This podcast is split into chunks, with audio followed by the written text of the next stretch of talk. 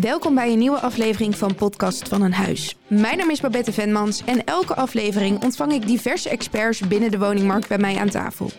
Samen met hen bespreek ik verschillende casussen, voorzien wij jou van de juiste informatie, maar bovenal verzamelen we de beste tips en tricks voor jou als consument. In deze aflevering gaan we het hebben over verhuur. Welke soorten verhuur zijn er? Hoe kom je aan een huurwoning? En moet je aan bepaalde eisen voldoen om in aanmerking te komen voor een huurwoning? Uiteraard doe ik dat niet alleen. Deze aflevering doe ik dat samen met twee verhuurexperts. Als eerste stel ik jullie graag voor Jeroen Hendricks, verhuurspecialist en eigenaar van Hendricks Housing. Hendricks Housing is gespecialiseerd in het aanhuren, verhuren en beheren van woningen in Noord-Holland. Jeroen, welkom. Bij het verhuren van een woning zitten meer haken en ogen aan als mensen regelmatig denken. Wat wordt er nog wel eens onderschat binnen jouw expertise? Ja, vooral bij een eigenaar is altijd het idee dat het toch een hoop gedoe is. Uh, waar ga je op zoek naar een huurder? Wie komt er? Is betrouwbaar? Kloppen de financiën? Uh, zit, komt er geen wietplantage in de woning? Dat zijn vaak wel de grote zorgen. En die uh, bescherm jij, die zorgen, of die zorgen haal jij weg? Precies, dus aan de voorkant uh, beperk je het risico door verschillende controles. En tijdens de periode kan je ook altijd nog uh, dingen afspreken met de huurder om langs te gaan of goed contact te houden. Kijk eens aan. En waarin onderscheidt jouw bedrijf zich ten opzichte van andere verhuurbedrijven? Dat is een, een goede vraag. Um, maar wij zijn altijd bereikbaar, dus 24-7 voor zowel huurder als verhuurder. En daarnaast is er ook nog een eigen inlogportaal voor verhuurder en huurders. Um, we hebben vaste klusjesmannen, dus loodgieter, elektricien en timmerman. En we schakelen snel. Kijk, dat is denk ik ook heel belangrijk in de huidige markt. Snel Dat schakelen. Naast Jeroen bij ons te gast, Erdy Karten, verhuurmakelaar bij Thijssen Makelaardij in Zaandam. Het ging bij ons op kantoor over nieuwe aflevering van de verhuur. Mijn collega zei direct, je moet Eddy vragen uh, om langs te komen. Wat vind je het leukste aan verhuur van woningen? Uh, ik denk uh, diversiteit van de woningen. Uh, niet alleen met de standaard nieuwbouw. onlangs heb ik een heel leuk project in Wormen mogen aannemen.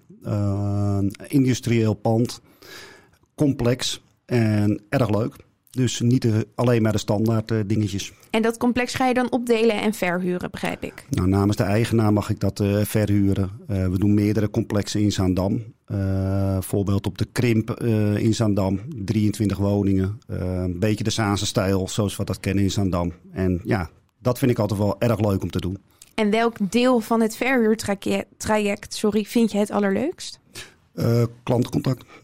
Dus uh, wij hebben altijd vooraf uh, telefonisch contact met onze klanten. Uh, om een beetje te bepalen wie je voor je krijgt. Want ja, je hebt heel veel goede huurders. En je hebt heel veel huurders of kandidaten die je eigenlijk helemaal niet langs wil laten komen. een stukje zelfbescherming ook voor de huurder zelf.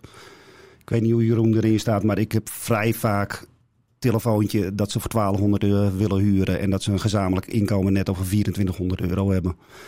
En ja, Wordt dan lastig. niet oneerbiedig, maar dan is het zonde van mij tijd die kostbaar is. Maar ook van de huurder of de kandidaat.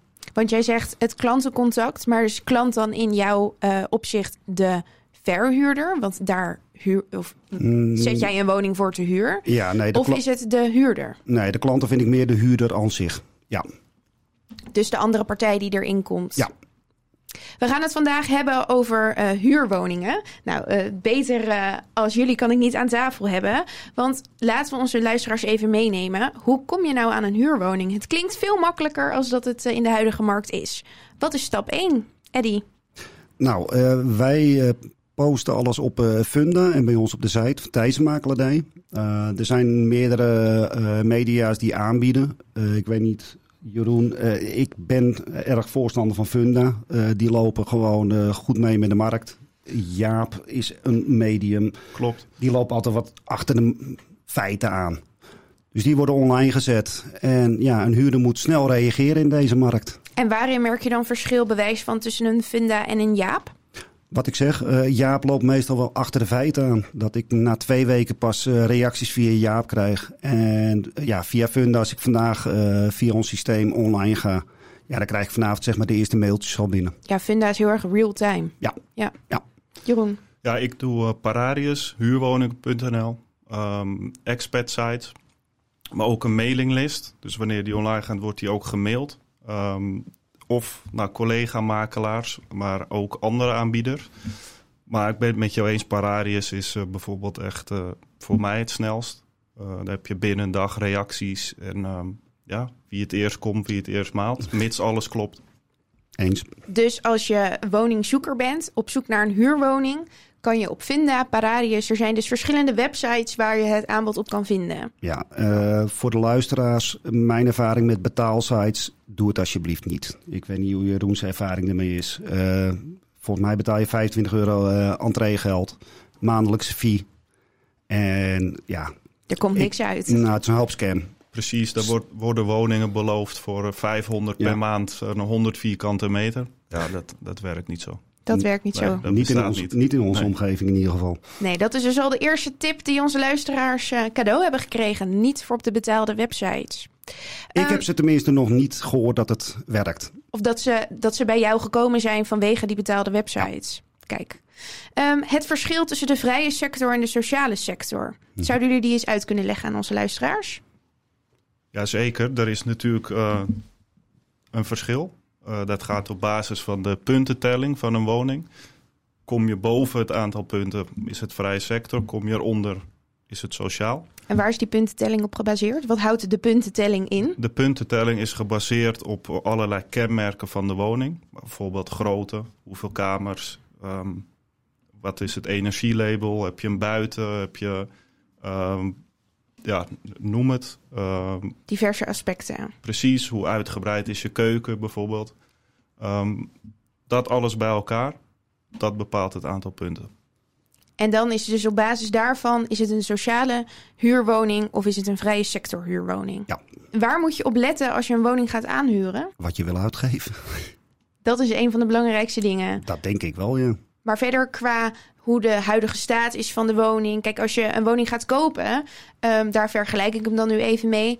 Eh, doe je vaak een bouwkundige keuring, noem het maar op. Maar dat doe je voor een huurwoning, hoor ik dat niet.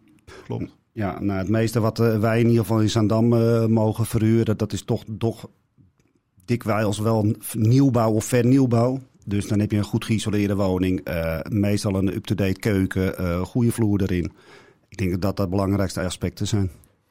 Ja, ik denk dat je als makelaar sowieso zelf ook daar wel een scheiding in kan maken. hè. Ik bedoel, je komt bij een eerste opname, dan zie je al, ga ik dit verhuren, ja of nee? Kan je ook de keuze maken dat je zegt: ja, ik wil dit niet in mijn portefeuille, ik wil dit niet verhuren. Tuurlijk.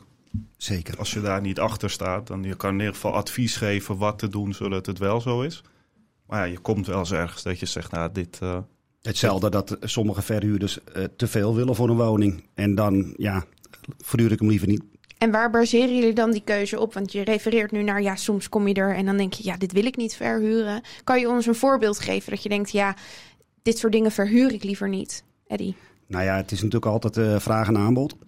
Ehm, je hebt eh, best wel een hoop vergelijkingsmateriaal tegenwoordig eh, via internet, hè, wat de gemiddelde huurwoningen doen.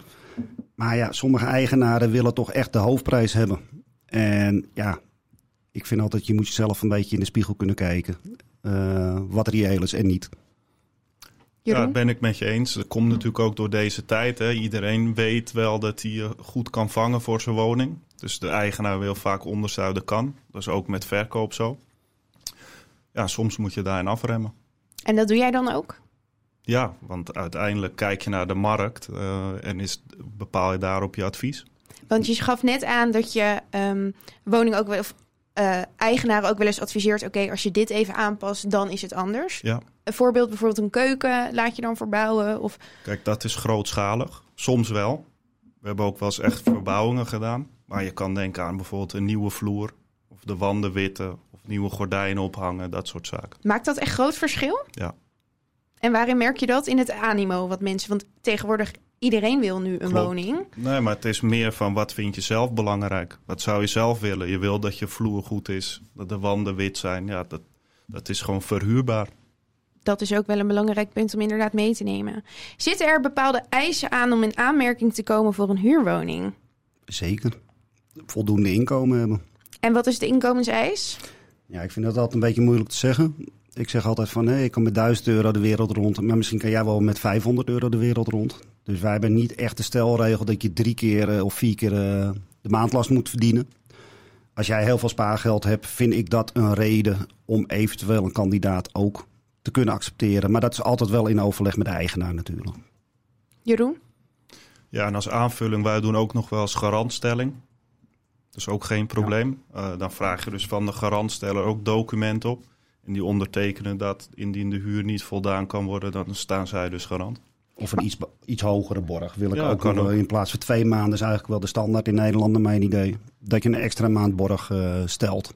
Dus, dus er zijn diverse manieren hoe je toch in aanmerking kan komen, mocht Zoals je niet... wij proberen te werken. Nou, volgens Ja. mij, zoals Jeroen ook. eh, Er zijn heel veel grote eh, organen die verhuren. En ja, daar kom je als eh, zelfstandig ondernemer, of verdien je drie ton per jaar, mag je daar gewoon niet huren. En die doen heel veel voor pensioenfondsen, wat ik begrijp.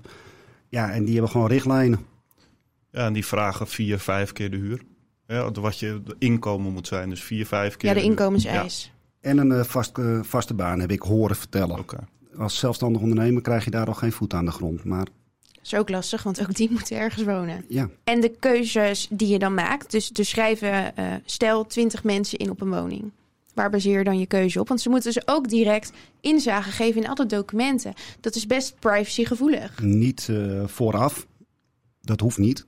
Hoe doen Eh, jullie dat dan? Nee, ik, ik wil eh, voor mezelf spreken. Eh, Ik eh, neem dus telefonisch contact op met eh, de klanten. En daar vraag ik er in ieder geval naar. Want ik wil wel weten of ze het kunnen betalen, wat ik net ook al refereerde. Mhm.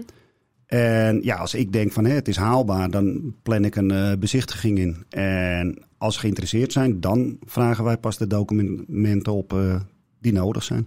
Dus als er 20 mensen zich inschrijven op een woning, Mhm. dus er komt een woning online, 20 reacties, ga je ze alle 20 nabellen en vanuit daar, Ja. uit dat gesprek kijken, oké, welke zijn plausibel en denk ik dat haalbaar is? Nou ja, heel simpel voorbeeld. Als je een eh één slaapkamerappartement hebt en eh, mensen bellen dan dat ze met twee kinderen er willen wonen. Ja, ik vind dat niet kunnen. Eh, Nee. Daar maak je dus ook, Ja. dat hou je aan. Ja, dat, dat is je eerste Ja. check. Dus je hoeft niet van tevoren een soort van standaard documentatiepakketje te hebben van drie maanden maandsalarissen, de strookjes, dat je die... De grote organisaties werken wel zo, maar dan verleen je ook toestemming als huurder hè, dat je daarmee akkoord gaat. Maar wij werken niet zo. Wij doen ook na de bezichtiging. Dus er Dus- is wel kans om te bezichtigen ook. Want dat is ook iets wat ik graag teruglees. Dat mensen zeggen, ja, voordat ik überhaupt heb kunnen reageren... dan krijg ik dat contract onder mijn neus geschoven. en nee. na tekenen kan ik pas kijken. Dat Nee, nooit. nee. Dat nooit. Maar ik denk dat Jeroen eh, een beetje hetzelfde werkt. Eh, hè, dat je klantcontact hebt en dat dat heel belangrijk is. En dat hoor ik ook heel veel van mijn klanten, dat ze dat bij de grotere jongens eh, missen. Zouden Eens. jullie mij mee kunnen nemen in het hele traject hoe dat werkt? Nu even vanuit de ogen van een potentiële huurder. Die ziet een woning op Funda. En dan? Nou, dan belt hij of hij reageert via Funda. Vervolgens nemen wij contact op, net als Eddy, telefonisch. Maken we een afspraak voor de bezichtiging. Indien we denken, dit is goed. Na de bezichtiging sturen we altijd een mail met wat te doen voor de volgende stappen en welke documenten we nodig hebben. Nou, dat zijn bijvoorbeeld die loonstroken die jij aangaf, drie recente. Kopie arbeidscontract, kopie paspoort. En eventueel nog een motivatie van waarom zij vinden dat ze daar willen wonen. En vervolgens gaan we dat checken en uiteindelijk in overleg kiezen we de, de kandidaat.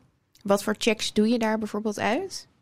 Op het financiële stuk, eh, in ieder geval, zijn het echte documenten. Dus we bellen ook de werkgever na om te verifiëren of dat klopt. Nou, dat is het belangrijkste, denk ik. Dat denk ik ook. Eddie, heb jij hier nog een toevoeging aan? Nee, nou, wij vragen ook altijd inkomensverklaringen. Zoals nu heb je je belastingaangifte gedaan. Dan kan je eh, inkomensbelasting eh, 2021 downloaden. Dat is ook een makkelijk eh, document om te verifiëren. Ja. En ja, ik denk eh, voor ons beiden te praten. eh, je weet op een gegeven moment wel welke branche je wat verdient. Eh, ik heb wel meegemaakt als voorbeeld een stukje door in loondienst met 69.000 euro. Nou ja, met alle respect, ik gun het iedereen, maar Nee, dat gaat niet gebeuren. nee. Want merken jullie ook wel eens dat documentatie vervalst wordt? Ja. Absoluut. En waarin onderscheid je die documentatie? Hoe valt dat jullie op? Kijk, ik begrijp dat jullie eh, het dagelijks zien. Maar stel iemand die dit aan het luisteren is, denkt... ja, ik ga mijn woning verhuren en ik wil het niet via makelaar doen. Raden we absoluut uiteraard niet aan. Maar waar kan je nou zo'n do- zo'n document eh, aan onderscheiden?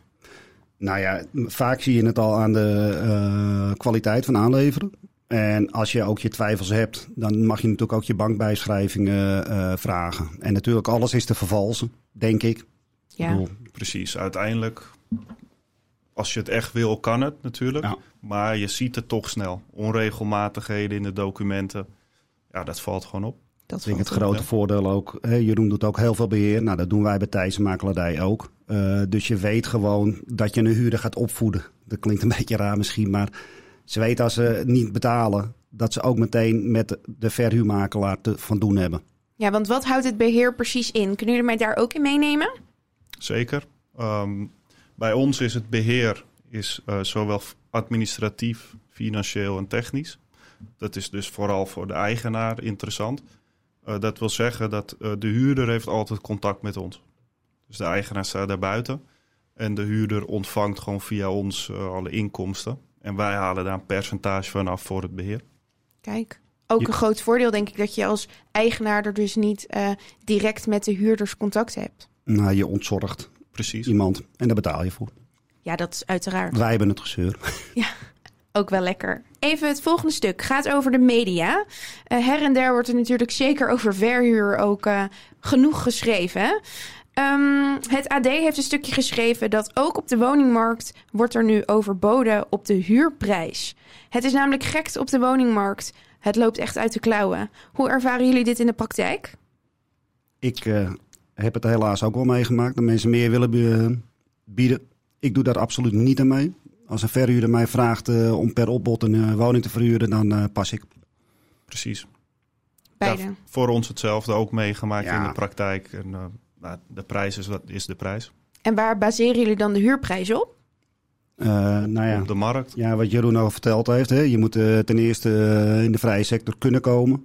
En ja, dan is de staat van de woning, zit een parkeerplek bij, buitenruimte, berging. Ja, er zijn heel veel aspecten die dat bepalen. Ja, net als bij koop of verkoop heb je natuurlijk referenties. En die controleer je en daar op basis Ja, ligt het in het centrum of niet? Ja. Uh, Zaandam is natuurlijk heel wat anders dan Amsterdam. Maar ik denk voor Jeroen pratende dat je daar ook wel qua wijk... Ja, dat het uh, snel een paar honderd euro kan schelen. Maar dat is Zaandam idem. Hoe merk jij de huur in Amsterdam? Want jij verhuurt in Amsterdam. Hoe merk je die huurdersmarkt? In een, uh, dan bedoel je de huurprijs, ja? de ontwikkeling daarvan. Ja? Um, vorig jaar zomer zakte niet omdat het, ja, geen expats, uh, rustig. Uh, maar vervolgens zag je weer na de zomer, dus zeg maar augustus. Ja, sindsdien stijgt het alleen maar, heb ik het idee. En hoe zien jullie een huurprijs reëel? Want ja, de huurprijzen uh, zie je ook nog wel eens dat er her en der een beetje gespeeld wordt met een standaard huurprijs. En dan worden de servicekosten er opeens hoger bij gedaan. Mag niet. Kijk, dat is zo één die direct ontkracht is. Maar wat vind je een reële huurprijs, Eddie? Nou, ik denk dat de oude verhuurders uh, die spinnen garen uh, bij de marktontwikkeling. Uh, die hebben natuurlijk in de goedkope tijd kunnen kopen.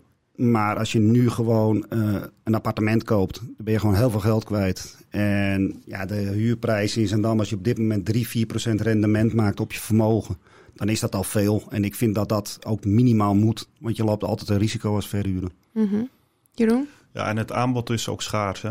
Dus net als met koop is het ook bij verhuur schaars, waardoor de prijzen stijgen. Ja. En wat zijn nou echt uh, gevaren tussen aanhalingstekens voor uh, huurders? Waar moet je nou echt op letten als je een woning gaat huren? Neem ons mee in het contract. Daar zitten soms ook nog wel eens wat haken en ogen aan. Wat komen jullie tegen? Wat zijn casussen die jullie wel eens gezien hebben dat je denkt, nou, dit kon echt niet? Uh, ja, wij zijn een NVM-makelaarskantoor. En ja, ik zou niet weten wat ik zou... Uh, maar je hoort toch wel eens her en der uh, dat je van een van In Zandam hoor ik heel veel helaas over kamerverhuur, heel veel misstanden. Want, en dat vind ik echt triest. Want dat mag niet? nee, vaak niet. Sommigen wel, maar vaak niet. En dan hoor ik mensen die 1000 euro all-in betalen voor 17 vierkante meter. En dan denk ik van ja, weet je, kan niet. En wat raad jij dan luisteraars aan die nu dit aan, die een kamer huren voor uh, eh, 1000 euro per maand? Ja, dat is denk ik een doelgroep die niet heel vaak uh, wat anders kan. Dus dat is gewoon heel moeilijk voor die uh, doelgroep. En zie jij ergens daar een oplossing? Of? ik zie ze wel, maar ik, ik, zie ze niet. niet gebeuren. Niet gebeuren, nee, nee, helaas. Er is gewoon heel veel vraag naar kleinere meters eh, voor reële prijzen. Uh, Zaandam mag dat al niet meer. Als ontwikkelaar moet je minimaal 50 vierkante meter uh, aanbieden van de gemeente. Dus gek dat eigenlijk de gemeente dan daarin uh, wat de markt wil eigenlijk tegen, tegenwerkt. Zeker. En worden jullie dan als makelaar zijnde ook meegenomen in die beslissingen? Dat is natuurlijk iets wat landelijk speelt. Mm, naar mijn idee niet, maar... Heb ik niet gemerkt, nee. nee. Maar er is gewoon heel veel vraag naar uh, onder de 1000 euro. Ja, en Amsterdam denk ik dat het al helemaal uh, nutteloos is. Maar zelfs in Zaandam, de gemiddelde studio die ik mag aanbieden... die valt dan net onder de sociale huurgrens 750 euro. Maar dan woon je wel in een knappe studio. Dus, maar dat is al heel veel geld. Maar die is ook weg binnen een uur. Die hoef ik niet online te zetten, Precies. kan verklappen. Ja. Je hebt een hele wachtlijst voor. Ja. Want kan je dus ook als je zoekende bent naar een huurwoning... jullie ook bij jullie op de website bewijs van aanmelden... dat je op een lijst komt, op de hoogte gebracht wordt. Kijk, op een gegeven moment zit, zit je ook met je handen in het haar... kan ik me voorstellen, als je echt een woning nodig hebt. Klopt, uh, daarom bieden we ook zoekopdrachten aan. Dus dat is het aanhuurstuk wat je net al zei. Uh, dan werken we dus niet voor de verhuurder, maar gaan we specifiek voor de huurder op zoek. Op basis van zijn of haar wensen. En dan kunnen we dus dat hele proces begeleiden. En dan ga je mee op bezichtigingen? Bezichtigingen, dan gaan we dus op zoek bij collega-makelaars, bezichtigingen. Wij zorgen dat alle stukken in orde zijn. Jij hebt ze dan ook al gecheckt? Ja. Nou, dat scheelt ook, wat ik doe uh, behoorlijk wat experts uh, ook in Zaandam. En ja, die huren vaak ook een, uh, een aanhuurmakelaar in. Precies. En dan ben je toch aan de voorkant al een beetje gekofferd. Dat je weet van oké, okay, financieel zit het eigenlijk al goed. Dus het is een uh, goede partij. Ja. Dus dat is ook een van de tips die jullie eigenlijk meegeven. Als je echt serieus op zoek bent, zoek dan ook een aanhuurmakelaar. Ja, maar je moet er wel voor willen betalen. Wij de, bieden die service niet en dat is puur omdat we de mankrachten daar nog niet voor hebben. Maar het gebeurt heel veel tegenwoordig.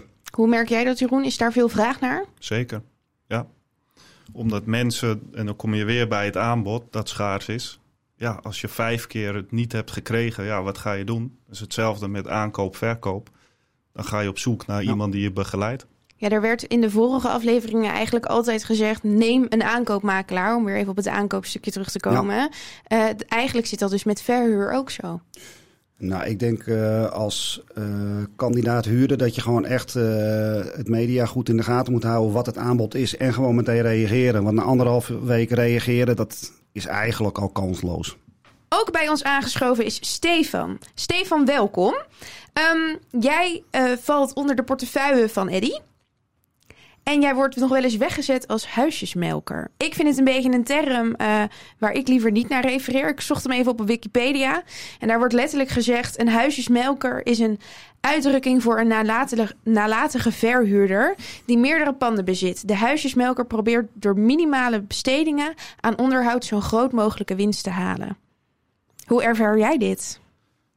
Ja, ik ben het dus niet eens met de term huisjesmelker. En uh, hoe ik het eigenlijk zie is uh, een investering.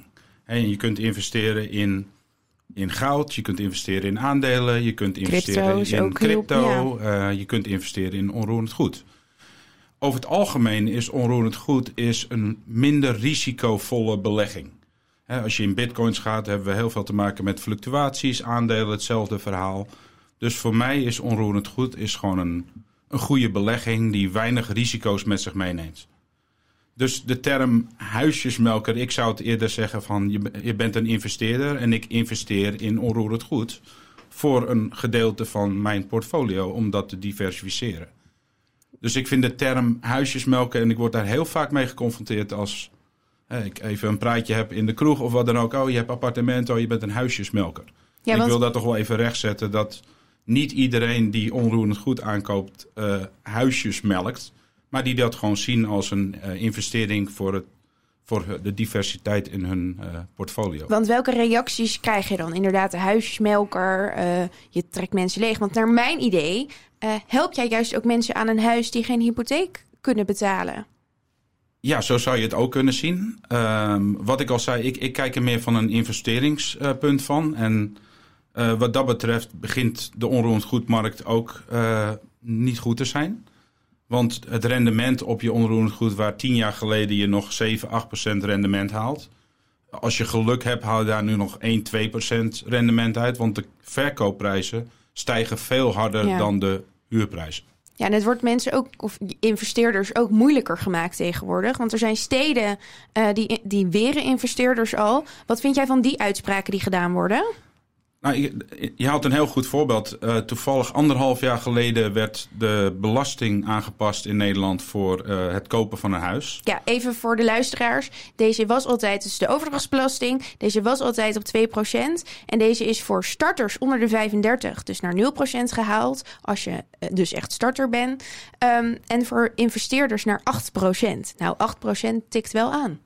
Correct. En he, de verkoopprijzen die gaan omhoog. Uh, 8% over 300.000 begint al een behoorlijk bedrag uh, te worden. Dus ik heb toevallig uh, samen met, met Eddy, dus op 31 december, anderhalf jaar geleden, ook een, een appartement in Beverwijk gekocht. Om inderdaad te zorgen dat ik nog onder de 2% tax viel. nu de huisprijs en het, en het woon, hoe noemen dat? Het woonrecht ja. Uh, waar je verplicht bent om erin te gaan wonen. Ik denk trouwens voor de markt dat dat een goede ontwikkeling is. Ja. Want er zijn natuurlijk een heleboel mensen, en die spreek je echt overal, uh, die geen huis kunnen vinden, met name starters. Nee, dus ik denk dat blijft het wel, een moeilijk ding. Ja. ja. Ik denk dat het wel een goede ontwikkeling is. Natuurlijk niet voor investeerders.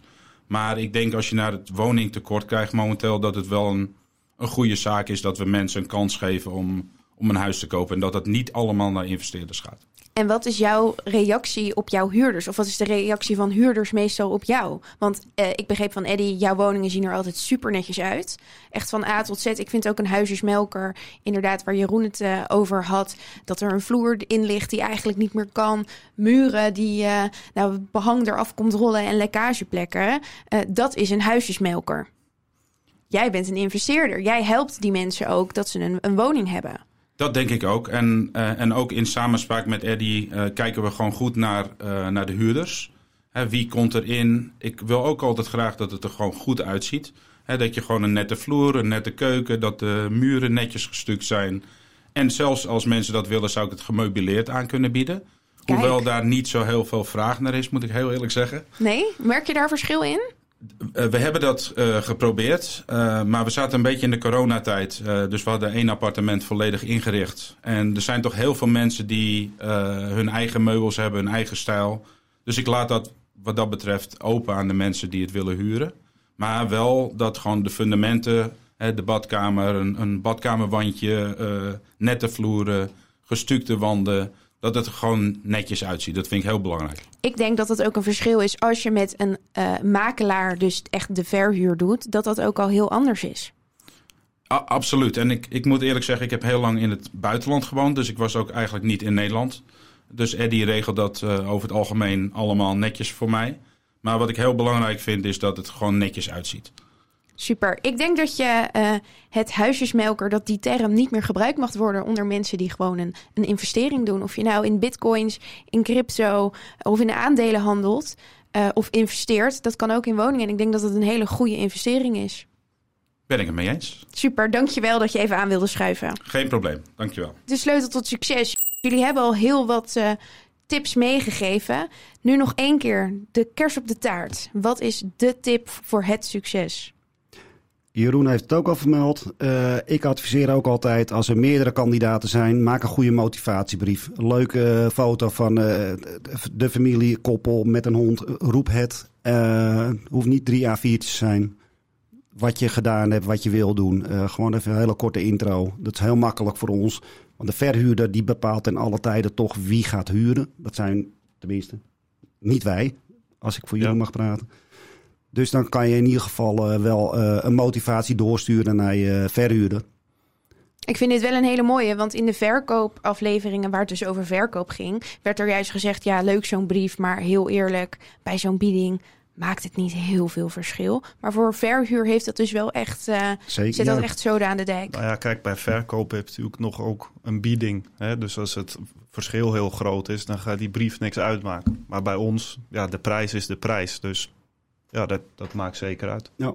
Heb en nogmaals, nog... als je dan ook een goede motivatie hebt en je hebt een goede klik met je klant, ja, en die reageert op een volgende woning, ja, dan kan je wel meteen een verhuurder ook enthousiast maken. Ja, daar loop je altijd een stapje harder voor, zo werkt het. En we kunnen hem helaas maar één keer verhuren. En ja, ik ja. krijg ze nu en dan, uh, heb ik 15 bezichtigingen. En dan komt er daarna nog eh, 60, 70, 80 mailtjes achteraan. Ja, dat gaan we niet meer mee bezichtigen. Want tijdens de eerste 15 bezichtigingen heb je doorgaans altijd wel de goede huurder te pakken. Maar je gaat wel echt 15 keer bezichtigen. Ja hoor. Kijk. Ja, en een bezichtiging is ook natuurlijk een, eh, ja, iets sociaals. Hè? Dus op basis van je gevoel. Mensen, je hebt ook Ja. eens mensen die eh, zeggen je nog ineens gedag of uh, geven geen hand of iets. Ja, dan dat helpt ook natuurlijk. T-shirt verkeerd om aan. Nou ja, wat voor gevoel van, krijg je eh, bij iemand? Ja, kan je dan voor een huis zorgen als je nog ineens kan aankleden. Maar dat zijn allemaal kleine dat zijn wel dingen. details waar je op let. Ja, Dus als je op eh aanhuurbezichtiging gaat, doe in ieder geval je shirt goed aan. dat sowieso. Jeroen, heb jij nog een tip voor onze luisteraars? Nou ja, ik denk als je ze allemaal opsomt, zorg dat je documenten in orde zijn. Ehm, reageer snel. Ja. En laat blijken als je enthousiast bent. Dan moet je er zijn. En wat ik ook een mooie En nooit vond- meteen ja zeggen. Hoe bedoel je deze? Je moet altijd de nacht erover slapen. We zijn geen schoenenverkopers.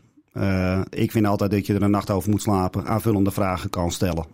Ik denk dat het ook een mooie is, zowel voor verkoop als voor verhuur. Het is inderdaad geen broodje wat je koopt Nee, nou ja, of je huurt. gaat eh, meestal een eh, minimaal jaarcontract aan. Het is serieus geld. Eh, gasprijzen die gaan eh, sky high. Dus hè, gemiddeld ben je zo'n 15, 1600 euro denk ik tegenwoordig kwijt met je gemeenschappelijke belastingen. Precies. Dus ja, Die maal moeten ook 12. niet vergeten worden, want die zitten niet in de servicekosten. Nee, iedereen wordt eh, door onze eh, overheid heerlijk aangeslagen als gebruiker. Maar wel, jullie helpen dus ook echt de huurders van... joh, hou hier rekening mee. Deze kosten zijn ook heel belangrijk. Zeker. Tuurlijk, alles is transparant wat dat betreft. En welke kosten moeten ze dan niet vergeten? Want ik weet dat er eh, andere bedrijven zijn die wel verhuren... die dit niet mededelen. Dus vandaar de podcast. Hier krijgen ze de juiste informatie. Welke kosten moeten ze niet vergeten? Nou, op dit moment durf ik niet meer te zeggen wat ze maandelijks gaan betalen aan gas en licht. Omdat, ja... Gaat eh, door het dak. Ja, Ja. dus daar ben ik gewoon al heel eerlijk in. Ik weet altijd wel gemiddeld wat de oude prijs was. Maar wat het huidig is, ik durf het gewoon niet te zeggen. En dat zeg ik het ook niet. En de gemeenschappelijke belastingen in Zandam die liggen rondom de 600 euro per jaar. Tikt ook aan. Ja, En in Amsterdam? Ja, iets, iets lager dus. In Zaandam liggen ze hoger, de gemeentelijke tuurlijk. belasting. N- Nieuw Ja. Ook wel iets belangrijks om rekening mee te houden. Want dat verschilt dus ook echt per gemeente. Kijk eens aan. Ik wil jullie bedanken dat jullie aangeschoven hebben bij deze podcast. En ik hoop dat jullie het, eh, dat jullie het leuk vonden. Absoluut zeker. Jij ook bedankt. Dankjewel. Bedankt voor het luisteren naar deze aflevering van Podcast van een Huis. Deze en alle andere afleveringen zijn te beluisteren via de bekende podcastkanalen. Op zoek naar een expert in jouw omgeving? Neem dan een kijkje op onze website podcastvaneenhuis.nl. Wil je meepraten over de aflevering? Check dan onze Instagram, @podcastvaneenhuis. Hier vind je nog extra backstage beelden en kom je nog meer te weten over onze gasten. De podcast wordt mede mogelijk gemaakt door Crib.